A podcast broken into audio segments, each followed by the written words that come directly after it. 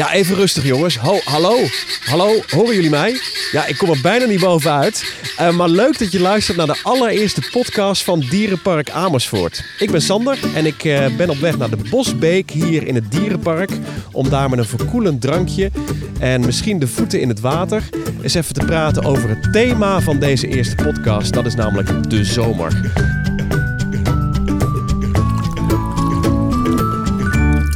Bij de Bosbeek aangeschoven uh, Bas Aalders. Hallo Bas. Dag. Dag, je bent, uh, jij weet alles van dierenverzorging. Je werkt hier al 23 jaar en je bent de curator. En een curator weet alles over alle programma's in het dierenpark. Moet ik het zo een beetje omschrijven? Ja, dat klopt wel een beetje. Eigenlijk moet je het zien als een beheerder van de collectie, net als in, in een museum. Dus op het moment dat er een dier binnenkomt of een dier weggaat, dan zit er papierwerk aan vast. En dat moet geregeld worden. En verder als er nieuwe verblijven ontworpen moeten worden, dan wordt er een pakket van eisen geschreven. Dus eigenlijk waar een verblijf aan moet voldoen om goed te zijn voor die dieren. En dat soort dingen, dat regel ik. Ja, maar je weet ook alles van die dieren, omdat je hier al 23 jaar werkt natuurlijk. Ja, 23 jaar, ja. Maar ja, zo lang voelt het niet en dat is een goed teken, denk ik. Oké, we gaan het uh, straks hebben over een van die nieuwe dieren die hier zijn gekomen. De brilberen natuurlijk. Ja, we hebben het over de zomer, dus ik wil straks weten of dieren kunnen verbranden. Um, wie er in de zomer een ijsje lust. Wie het veel te warm heeft in de zomer met zo'n dikke jas uh, uh, aan. En hopelijk heb jij als luisteraar genoten van ons park deze zomer. En ook meegespeeld met de zonnige zomerquiz. Want we gaan ook nog even wat dieper in op de dieren die daar al in vermeld uh, stonden. Maar eerst ga ik er ook maar eens even bij uh, uh, zitten. Goed het is, plan. Ja, het is nog even iets te vroeg om de voetjes in de beek te stoppen. Maar wat, wat heerlijk zit je hier, hè? Ja, lekker hè. Lekker midden in het bos. Een uh, kabbelend beekje erbij. Het is gewoon echt genieten. Zit ja. je hier als verzorger ook wel eens?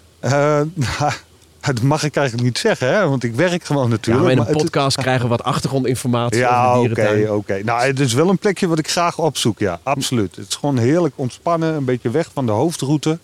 Ja, gewoon genieten. Ja. ja. Het is uh, zomer. Uh, Zo'n zo'n beekje, dat heeft niet iedereen. De olifanten kunnen zich lekker onderdompelen in hun eigen uh, zwembad.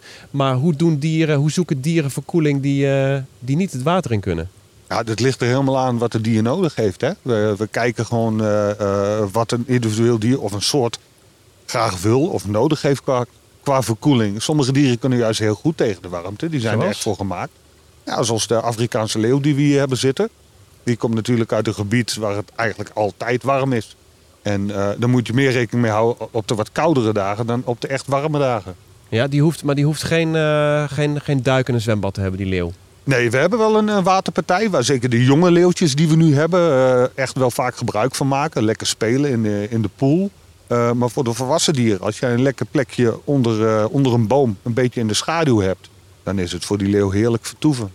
En kamelen natuurlijk, die zijn gewend om in de woestijn te leven. Dus die kunnen ook wel prima een, een warme zomerdag aan, neem ik aan. Ja, ja nou ja, de, de, de kameel, en dat vergist een heleboel mensen zich eigenlijk. En meestal moet je aan de dromedariërs denken als je echt aan de hele warme uh, woestijnen denkt. Maar de kameel die komt eigenlijk uit Mongolië. En dat is ook een woestijn, de Gobi-woestijn.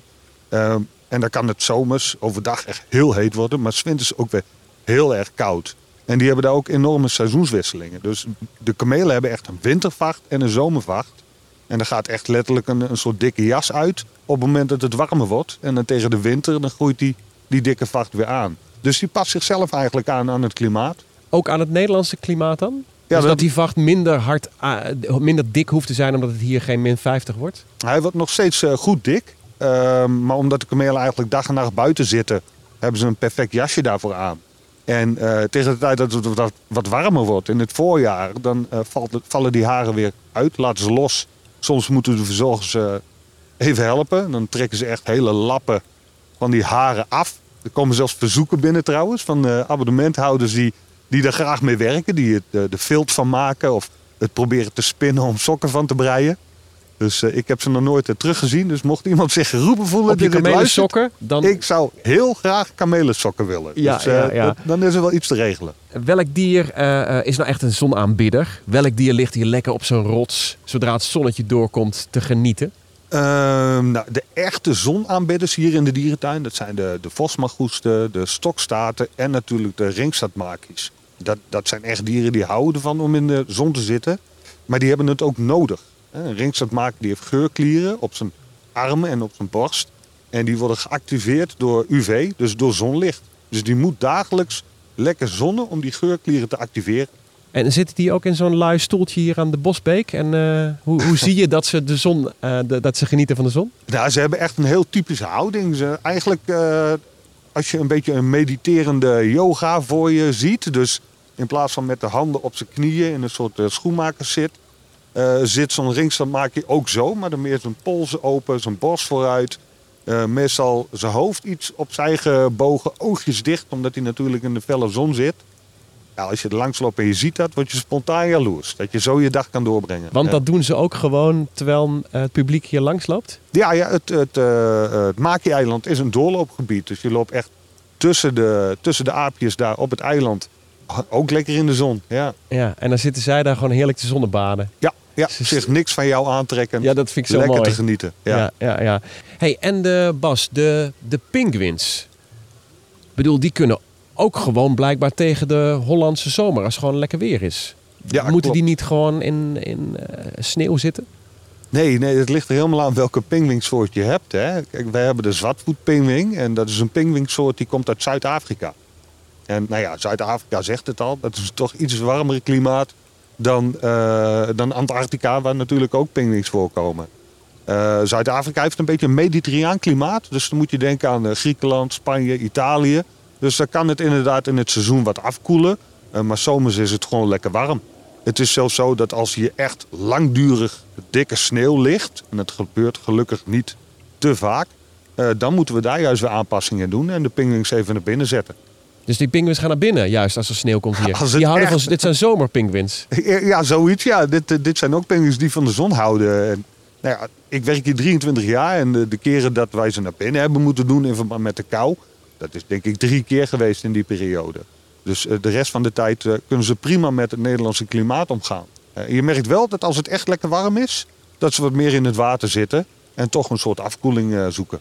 Ja, dan gaan ze, dat, dat zie jij. Dat ze meer rondjes zijn aan het zwemmen. Ja, ik loop bijna iedere dag door het park, hè, dus Ja. dan vallen dat soort dingen op. Ja. Ja, en je vindt het nog steeds na die 23 jaar, je kent elk hoekje hier van het, van het park. Vind je het mooi om hier te werken? ja, het, het is wonderbaarlijk. Hè? Die 23 jaar, dat is voorbij gevlogen. En zelfs de kleinere dingen... Ik zal niet ontkennen, ik heb een zwak voor olifanten. Dat is toch iets, een dier wat mij echt tot de verbeelding spreekt. Maar ook de kleinere dingen. Hè? Als je bij de flamingo's staat te kijken... en zeker nu in het broedseizoen... dat ze nesten aan het bouwen zijn... en aan het kissenbissen zijn met elkaar. En eh, het ene koppeltje zit daar een beetje te chansen. De andere die, die probeert het territorium veilig te stellen.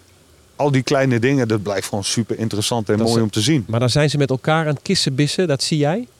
Ja, dat, is, ja, dat kun je Wat, zien. wat, wat, wat voor gekissenbis, wat voor gesprekken voeren ze dan? Eh, nou ja, het is lastig uit te leggen, maar als je er echt naar Je zit te verstaat kijken... ze niet, toch? Nee, maar je hoort wel aan het soort geluid en de toon die ze maken... en hoe ze op elkaar reageren... merk je wel dat ze tegen elkaar zeggen van... hé, hey, ik heb liever dat jij jouw nestje even een halve meter verder van mijn nestje afbouwt... want dit vind ik te dichtbij. Nou, laten we heel even luisteren of we er iets van, eh, van kunnen verstaan. En als jij weet wat ze hier zeggen, dan moet je maar een reactie geven op deze eh, podcast. Laten we even teruggaan ehm, naar de zomer en de dieren hier. Straks wil ik van je weten eh, ja, of dieren ook wel eens een ijsje eh, lusten op een warme dag. Niet dat ze dan hier met z'n allen bij de kiosk staan, maar bij wijze van spreken. Ja, het is geen soft ijs hoor. Dat, Nee, eh, nee, nee. Oké. Maar, maar eerst nog even. Jij, jij stelt dan inderdaad, je bent curator. Je stelt eigenlijk hetzelfde als in een museum. stel je de collectie samen. Je weet precies wat mensen interessant vinden en welke dieren er weer aankomen. En hou je, daar ook, hou je daarin ook rekening met de zomers? De warmere zomers. De, eh, we, zien hier nu veel meer buien. Het klimaat verandert toch een beetje. Ben je daarmee bezig? Ja, nou, een hele goede vraag. Ehm, er wordt natuurlijk altijd rekening gehouden met wat een dier nodig heeft. Ehm, en er zullen diersoorten zijn die wij hier in de dierenpark Amersfoort hè, eh, niet zo snel zullen houden als misschien in een andere dierentuin. Omdat wij de mogelijkheden er minder voor hebben. Wij zijn een dierentuin in een bos, hè, dat kun je nu ook lekker zien. Eh, wat ook voordelen heeft. Het is nu super lekker warm, maar je zit lekker in de schaduw aan het water. Dus heerlijk genieten. Maar dat betekent dat echt grote open verblijven, dieren die dat nodig hebben, ja, daar zullen we wat minder van in onze collectie hebben dan een, een dierentuin die in een wat open gebied ligt, ligt, zoals in het zuiden van het land. We hebben natuurlijk wel de savanne, dat is een groot open gebied. Uh, maar we kijken toch meer naar dieren die ja, meer uh, bomen nodig hebben, uh, schaduwgebieden, dat soort dingen. Dus er wordt wel gekeken. temperatuur is natuurlijk te beïnvloeden. we hebben hier ook een reptielencollectie, reuzenschildpadden. Die hebben een prachtig mooi buitenverblijf met zon. Maar winters, als dat er niet is, is wel een dier wat warmte nodig heeft om de dag door te komen. Hebben ze een tropische kas waar gewoon vloerverwarming in zit, spots, warmtestralers. Zodat we op die manier gewoon hun ideale leefomgeving kunnen nabootsen. Maar nu, het, nu de zomers wat, wat warmer worden, ook door klimaatverandering, ben je dan bezig met, goh, dan, dan kunnen we wel eens gaan denken aan wat, uh, wat tropischere dieren? Uh, mocht de temperatuur hier in Nederland echt extreem veranderen, ja, dan uh, heb je waarschijnlijk geen kast meer nodig. Kunnen het schildpadden 24 uur per dag, 365 eh, dagen per jaar buiten. Ja, dan steken ze meteen een tropische slang hier door de bosjes. Uh... Ja, bijvoorbeeld. Nou, er kruipen hier wel slangen rond hoor. Ja, Ik, ja en zeker bij de Bosbeek. Misschien dat we oh. ze dat kunnen zien. We zitten natuurlijk gewoon in de Nederlandse natuur. En uh, ook hier in het bos uh, komen gewoon uh, ringslangen voor. Want dit is wel echt bos. Hier ja. leven ook dieren. Ja. Hier leven ook gewoon dieren. Kijk, natuurlijk is het aangeplant. Hè. Nederland heeft eigenlijk geen oerbos meer. Ehm, dus het is allemaal ooit eens eh, met een reden aangeplant. Je ziet hier heel veel grote grove dennen staan. En die zijn ooit eens in het verleden aangeplant voordat de dierenpark Amersfoort werd. Voor de mijnbouw. Ehm, als er uh, mijnschachten gebouwd werden, dan werd dat voornamelijk gestut met grove dennenhout. Omdat de eigenschap van grove dennen is dat voordat het breekt gaat het kraken. En dan krijg je dus een signaal van hé, hey, het wordt hier onveilig, tijd om hier de mijn uit te lopen. Dus, uh, maar dat is natuurlijk weer wat anders dan een dierenpark. Maar omdat ik hier natuurlijk 23 jaar loop en ja, ook zie wat hier allemaal staat, is het wel leuk om je daar ook in te verdiepen. Nee, maar het is heerlijk natuurlijk ook in de zomer om een beetje, ook, ook als bezoeker, maar ook voor de dieren, om een beetje verkoeling te zoeken. Niet alleen hier aan de Bosbeek, maar ook gewoon op de vele schaduwplekken die er zijn. Zeker. Nee, het is hier zomers heerlijk rondlopen. En eh, zeker omdat er rond de paden staan best veel loofbomen. Grote eiken, grote beuken. Dus je kan lekker vanuit de schaduw kun je naar de olifanten kijken die in, uh, in bad liggen. Hey, kunnen dieren verbranden? Uh, sommige dieren wel, ja. ja de, zoals de varkens bij ons op de boerderij. Uh, olifanten, neushoorns. Dus dieren die ja, in verhouding weinig haar tot huid hebben. Die kunnen inderdaad verbranden. Maar moet je die neushoorns dan insmeren op een tropische dag? nou, de meeste dieren die kunnen dat zelf wel regelen. We hebben een lekkere waterpartij bij de olifanten en een modderbadje. Dus die smeren zichzelf in met een soort zonnebrand. Uh, de neuzels die zijn wat luier. Dus ja, de verzorgers die zijn in hartje zomer twee, drie keer in de week bezig om ze lekker in te lemen met een leempapje. dus eigenlijk met zonnebrand gewoon. Die worden beschermd tegen de zon. Ja, ja klopt. Ja. En het klinkt misschien een beetje raar en vies om met modder bezig te zijn. Maar ik kan je garanderen dat het inlemen van de neushoorn... dat is denk ik toch wel een van de leukste momenten van de week voor een verzorger. Je hebt natuurlijk heel intensief contact dan met de dieren. Ja, maar het is toch één vieze bende om zo'n hele neushoorn met, met leem, dus met een papje met, met modder en ja. zand. Ja, de, in de pauze zie je direct wie het die dag gedaan heeft. Dat absoluut. Maar gelukkig hebben we wasmachines. Ja. Hij wordt het voedsel aangepast in de, in de zomer? Um, de basis, uh, het dieet van de dieren blijft hetzelfde.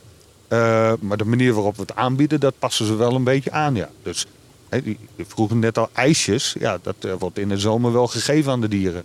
Niet alleen voor afkoeling, maar ook omdat ze er gewoon lekker lang mee bezig zijn. Om het uh, papiertje open te krijgen? Nou ja, ze krijgen hier geen cornetto of oh. een Calippo. Al, oh, dan denk ik de chimpansees dat helemaal niet erg vinden. Nee, maar bij de olifanten kun je meteen een hele ijskar naar binnen gooien. Inderdaad, inderdaad. Nee, de verzorgers zijn hier creatief genoeg om uh, met uh, toch wat uh, vruchtensiroop en appels, wat, wat groenten, wat fruit. Gewoon hele lekkere waterijsjes te maken voor de chimpansees, de olifanten. Ehm, nou, de roofdieren die krijgen bijvoorbeeld een stuk vlees wat in een, eh, in een emmer ingevroren zit met wat water, met wat extra bloed aangelengd. Zodat ze gestimuleerd worden om daar aan te likken en lekker mee bezig te zijn. Een bloedijsje. Een bloedijsje. Ja, smaak verschillen hè. Ja, en hoe groot zijn die ijsjes dan voor, de, voor een olifant? Uh, bij de olifanten, uh, nou, dan moet je denken aan een cementkuip vol, wat uh, in de vriezer wordt gezet. Het duurt meestal ook een paar dagen voordat het ijs echt klaar is. De verzorgers moeten het wel plannen en het weer van de, de week in de gaten houden. Ehm, maar voor de chimpansees, nou, dat zijn, laten we zeggen, koffiebekertjes. Waar dan een uh, hand met zaad in gaat. Misschien een paar pinda's, een stukje appel, een scheutje roosjezee, water. En dan lekker invriezen. En die kun je dus deze dagen in de dierentuin ook eh, met hun ijsje zien, eh, zien rondspringen. Zeker, zeker. Ja, ja, mijn kinderen krijgen niet iedere dag een ijsje. Maar de chimpansees zie je toch meerdere malen per week. Ja. Tot slot, eh, Bas, wat vind jij het meest bewonderenswaardige dier in eh, ons dierenpark? En dan wil ik echt van je weten van wat er nou zo bijzonder aan dat dier is. En, noem, en vertel me dan vooral dingen over het dier dat ik eigenlijk nog niet weet. Ah, ik moet eerlijk zeggen dat, dat een heleboel dieren zijn natuurlijk ontzettend mooi en interessant als je er lang naar kijkt. Maar ik heb echt een zwak voor olifanten. En een olifant, het is gewoon bijzonder hoe zo'n dier van 4000 kilo eh, kan lopen zonder dat je hem hoort. Hè, hij, hij eet, hij drinkt, hij ruikt, hij haalt adem met een vergroeide bovenlip en neus. Dat doet ook geen enkel ander dier. En Dat is zijn slurf. Dat is slurf, ver- inderdaad. vergroeide bovenlip. Ja. Ja, hij kan de eh, dingen ter grootte van een luciferhoutje mee optillen. Maar ook dingen van 500 kilo. En het is gewoon wonderbaarlijk om te beseffen dat het op minimaal 20.000 spieren, eh, spierbundels in die slurf zitten. Terwijl in een mensenlichaam zit het nog niet eens 300. 20.000 spieren in die slurf. Ja, en daarom kan hij dus ook echt alle kanten op bewegen, flexibel. Eh, hij kan er echt alles mee. Er zit geen enkel botje in. Het is gewoon één grote bundel met spieren. Ja.